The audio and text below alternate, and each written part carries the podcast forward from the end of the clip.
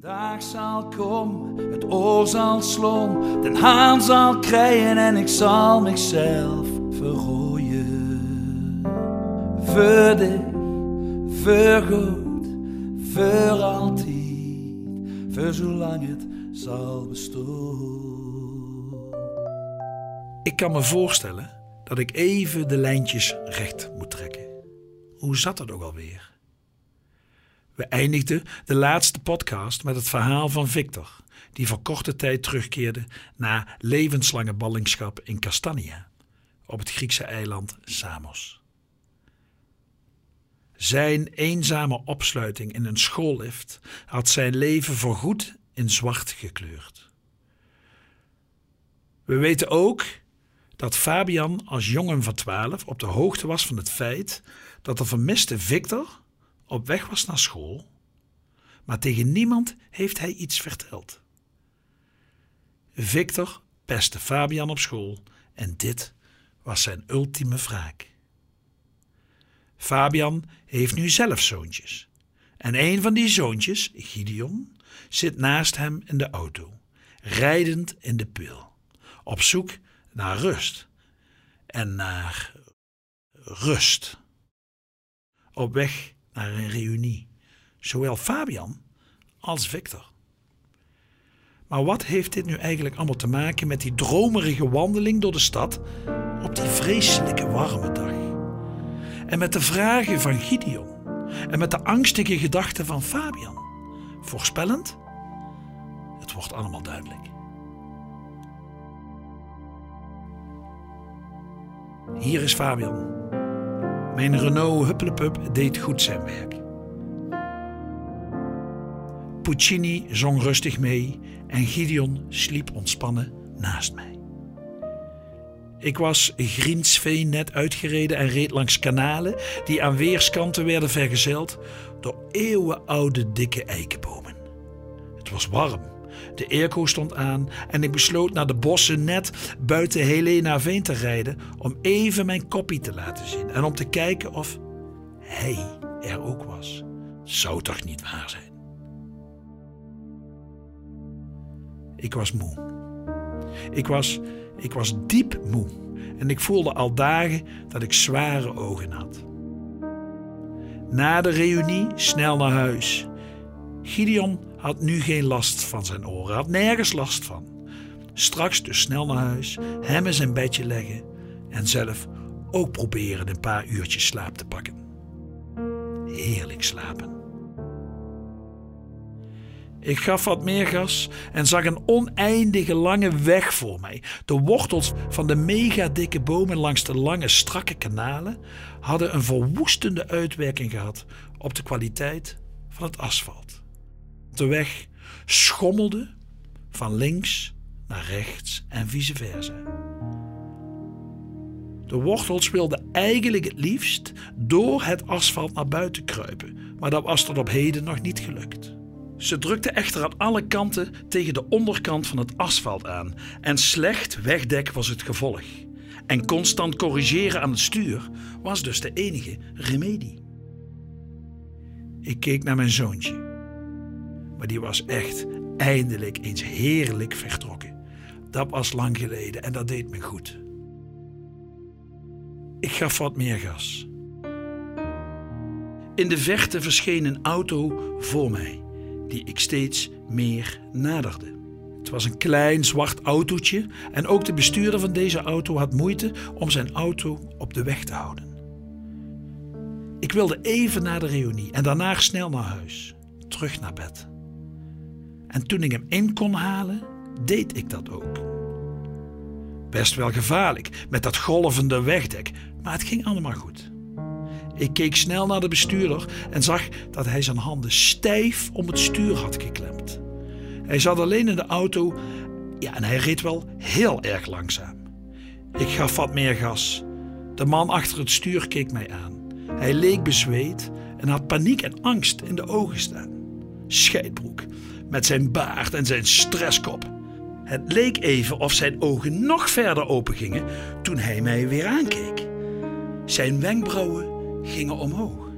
Ik haalde hem verder in en probeerde weer op de rechterweghelft te komen. Al snel was van de zwarte Honda in mijn achteruitkijkspiegel niet veel meer over dan een kleine zwarte stip. Ik moest plots even denken aan een van mijn nachtmerries. De man met de drijfnatte baard aan het raam van mijn slaapkamer, met een slappe Gideon in zijn armen. Even maar deze korte opwelling. Maar Gideon, ja, die sliep naast mij in de auto. Mijn Renault Huppelepup. Heerlijk vredig in een diepe slaap. Eindelijk. Ik dacht even aan mijn jeugd, aan Victor, aan zijn jeugd. Ik weet niet waarom ik plots aan hem moest denken. Waarom had die lul mij toch zo gepest? Waarom? Waarom had ik hem zo laten stikken in die lift? Ik dacht wel vaker aan hem, maar ik wilde eigenlijk nu naar huis. Werd steeds vermoeider, kreeg zware ogen. Ik wreef mijn lieve zoontje nog eens door zijn blonde haar en zette de muziek wat harder. O mio babino caro van Puccini uit de opera Gianni Schicchi. Wat een waanzinnig stuk muziek. Ik zette de aria wat harder, gaf automatisch wat meer gas. Victor.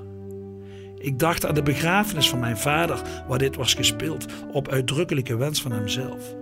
Ik luisterde en neuriede mee. Victor. Luisterde en neuriede. Victor. Luisterde. Victor. Die mij zo had gepest en vernederd. Victor. Die mij onder water bijna de andere kant van de wereld had laten zien. Papa, wie waren die mensen die mij onder water riepen? Papa, papa, papa. Mijn kop sloeg naar voren, in stekende pijn in mijn gezicht, in mijn rug, mijn benen. En toen stilte. Een keiharde stilte. En dan wat gesis en een zoemend geluid in mijn oren. Ik opende mijn ogen. Victor.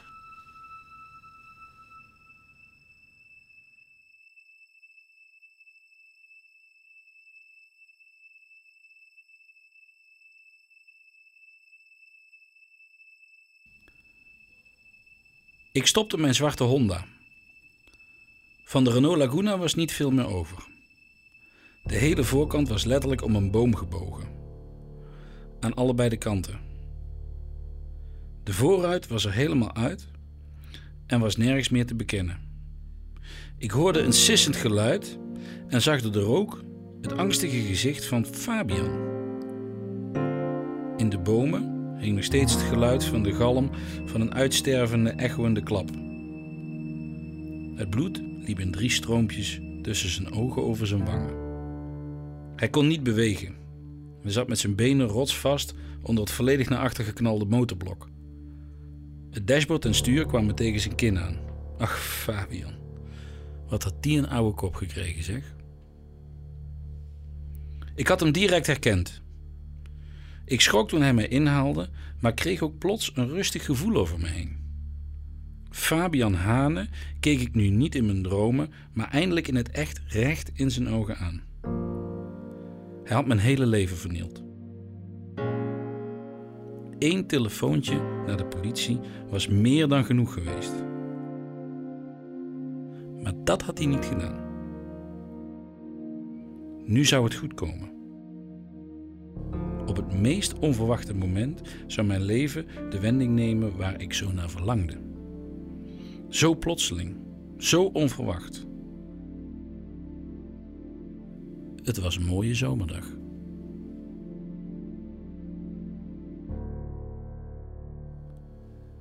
Ik stapte niet uit mijn Hondaatje. Er kwam voor het eerst in een kwart eeuw een dwingende rust over mij. Geen zweet, geen druk op de borst, geen angst, maar totale controle. Zitten blijven. Ik zag dat hij bang was en paniekerig om zich heen begon te kijken. Waar is Gideon? Waar is Gideon? hoorde ik hem roepen. Het bloed liep in zijn mond en bij ieder woord dat hij uitschreeuwde liepen er een paar druppeltjes dik bloed tussen zijn tanden over zijn kin. Ik keek naar de auto. Ik keek terug naar Fabian, naar de bomen, naar het gras, het riet, naar het oude verrotte roeibootje in het kanaal en ik zag een klein blond manneke drijven in zijn autostoeltje. Vastgemaakt met stevige gespen. Ook zijn gezicht zat onder het bloed. Twee handjes in de lucht, druk bewegend in zijn stoeltje. Hm. Het is ook niet slim om dat stoeltje niet vast te zetten met de gordel van de auto. Tja. Het gewicht van het water kreeg grip op zijn stoeltje. Ik zag dat die Gideon een paar schitterende, heldere blauwe ogen had. Gideon probeerde woorden uit te spreken, maar alles stokte in zijn keeltje. Die ogen die waren werkelijk schitterend. Contrasteerde mooi met dat rode bloed. Gideon, Gideon, haal hem eruit! Hij verzuipt! Haal hem eruit! Zo gaat hij dood! Ik keek en glimlachte met tranen in mijn ogen. Fabian keek mij door bloed, zweet en tranen onthutst aan. Hoe lang had ik uitgekeken naar dit moment? Hier had ik me 24 uur per dag in alle bewustzijnen die ik had mee bezig gehouden. Nou ja, bezig gehouden. Het heeft me achtervolgd, het heeft me bezeten en van mijn leven een zombiebestaan gemaakt. Om bevrijd te worden moest Fabian de kluizenaar worden die ik altijd geweest was. Hij zou mijn leven krijgen en ik het zijne. Kom nooit meer uit jouw kokon, Fabian.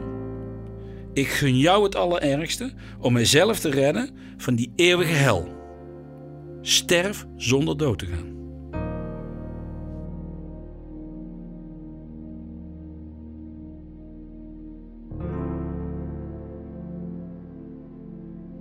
Ik keek van Gideon naar de miet van Hanen. Gideon ging langzaam kopje onder. Het stoeltje draaide een kwartslag en ik zag nog één keer zijn opvallend heldere blauwe ogen. Ik keek naar Fabian, die alleen nog maar nee, nee, nee schreeuwde. Ik draaide me om en zag nog even het ongeloof en de paniek in de ogen van de halve haan. Staarde naar het jongetje, zag zijn blonde haren donkerder worden door het water.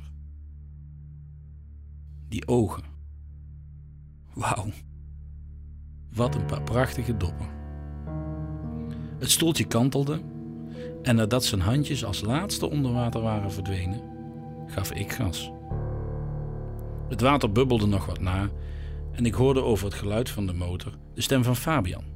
Kom terug! Haal me hieruit! Help me! Alsjeblieft, kom terug! Red mijn zoon! Hij zit vast en komt er alleen niet uit! Help! Ik reed weg. Op weg naar de reunie. Fabian zou wel niet meer komen. Ik denk terug aan die lift. Nu zijn de rollen omgedraaid, vriend. The winner takes it all.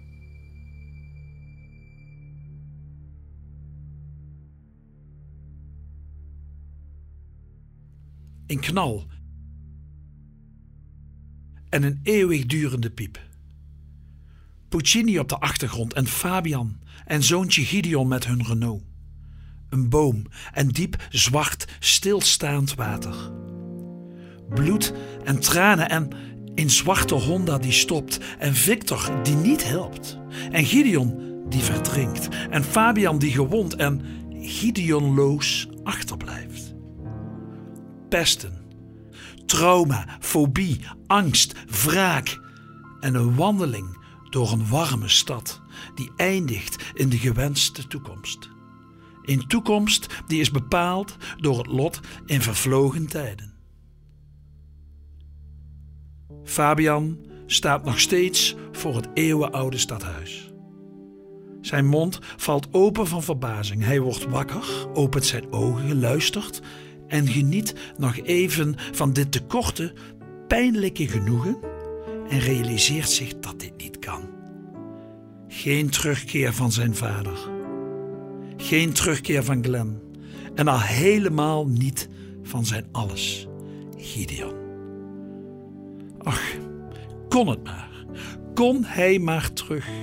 Kon hij maar terug naar de tijd van zijn warme handjes en immer gloeiende blauwe ogen. Terug naar die allesbeslissende dag die zijn leven voorgoed heeft veranderd. Daar aan de waterkant van het kanaal bij Helena Veen. Hij moet weg hier bij die markt. Terug naar de Steenstraat met de muziek in zijn stille oren. Langs de haven en de Maasboulevard door de Jodenstraat, de Nieuwstraat via de Paterskerk. Terug het park. Snel langs het Limburgs Museum. Ga weg met je film. Laat hem door bij de spiegeltent. Nee, nee, hij gaat nu niet kijken in het amfitheatertje. Niet afkoelen bij een van de vele fonteinen in het park. Nee, sorry, geen tijd. Ik moet terug. Terug. Hij wil terug. Terug naar huis. Naar het slaapkamertje van zijn lieve zoontje Gideon, dat nog steeds leeg is en voor wie het bed al maanden onbeslapen staat te wachten op niemand. Ik kan hier niet blijven. Ik moet terug naar gisteren, naar eergisteren, naar vorige week, naar vorige maand, naar zijn kleine grafje, naar de begrafenis. Naar de begrafenisondernemer en terug naar Victor's stem, Victor's kille ogen, terug. Terug naar het kanaal, naar het vieze water, naar het kapotte bootje, naar Giacomo Puccini, naar mijn geliefde vadertje, oftewel O mio babino caro, naar het kinderstoeltje.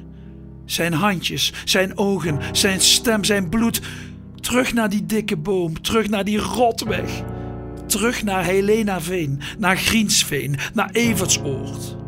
Terug naar Anton Kolen. Hij wil terug, terug, terug. Alsjeblieft, laat hem teruggaan. Terug naar Zevenum. Naar de vragen van Gideon. Al die vragen over God. Naar zijn vreemde dromen. Naar McDonald's voor een milkshake banaan. Terug naar zijn vrouw. Zijn huis. Zijn woonkamer. Zijn keuken. Terug naar die slapeloze nachten naar de KNO-arts. Hij wil terug naar de huisarts, de apotheek, terug naar zijn nachtmerries, naar die vieze, natte, bebaarde kerel voor het raam, terug naar Gideons school, zijn klasje, zijn vriendjes, zijn racebaan, zijn fietsje, zijn kleren, terug naar zijn geboorte, terug naar zijn verwekking, terug naar zijn eigen liefde van zijn leven, terug naar zijn eerste eigen huis, terug naar zijn studententijd in Tilburg terug naar zijn vader, moeder, zusje, broertje. Terug naar de middelbare school en naar de proefwerken en naar de judoles en naar de hockeytraining, naar zijn misdienaarschap, zijn jeugd in de binnenstad boven de slagerij van zijn ouders en naar zijn vijfde, vierde, derde en tweede jaar, naar 1985, 1984, 83. 82 en naar het begin van de vakantie van 1981. Terug naar zijn eerste vakantiedag of zijn laatste schooldag, zo je wilt. terug naar het einde van zijn brugklasjaar. Hij wil terug naar het politiebureau, waar hij wel gaat vertellen dat hij Victor gisteren waarschijnlijk met een tas schoolboeken tegen beter weten in richting school heeft zien lopen. Dus moet hij terug naar zijn slaapkamer. Terug naar zijn slaapkamerraam. Kijkend naar buiten. Terug naar Abba. Terug naar The Winner Takes It All. Terug naar...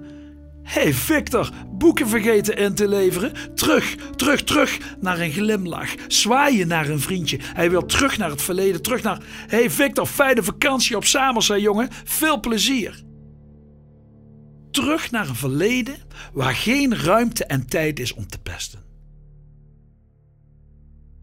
Geen pijn, oneerlijkheid, geen vernedering.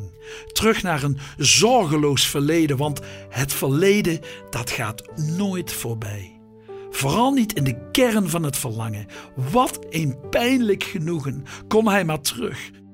Terug naar alles. Terug naar alles anders. Terug naar alles beter kon hij de sporen van de toekomst maar uitwissen, kon hij maar terug naar alles. Dan kwam alles goed. Later.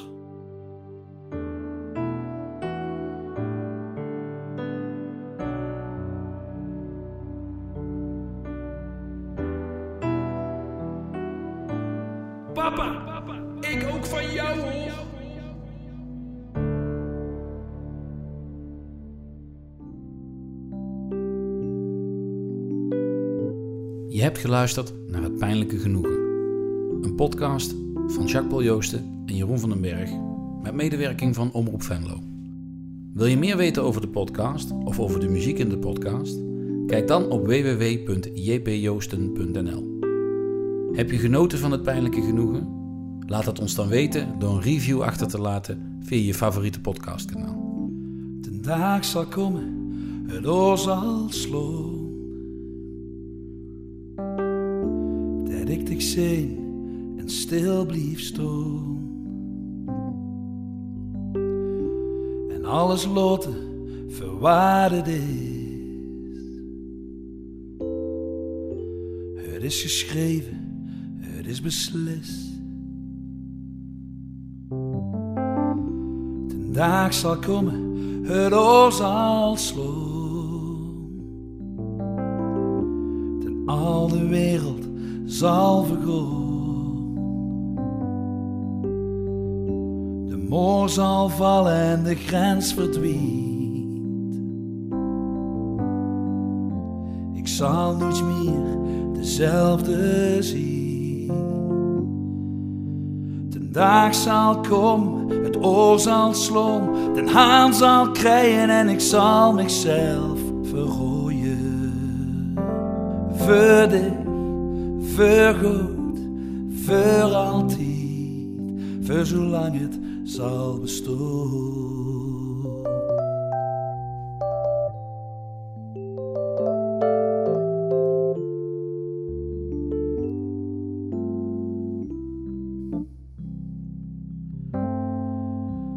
De dag zal komen, het oor zal slaan.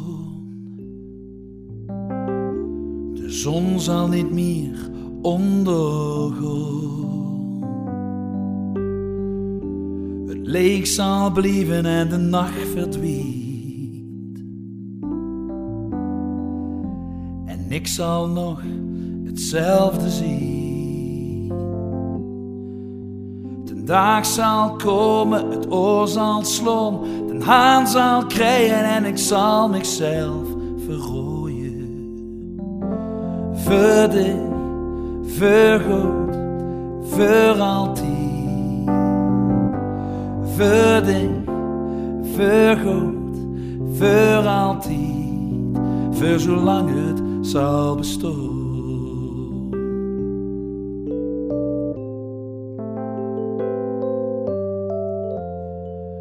voor zolang het zal bestaan.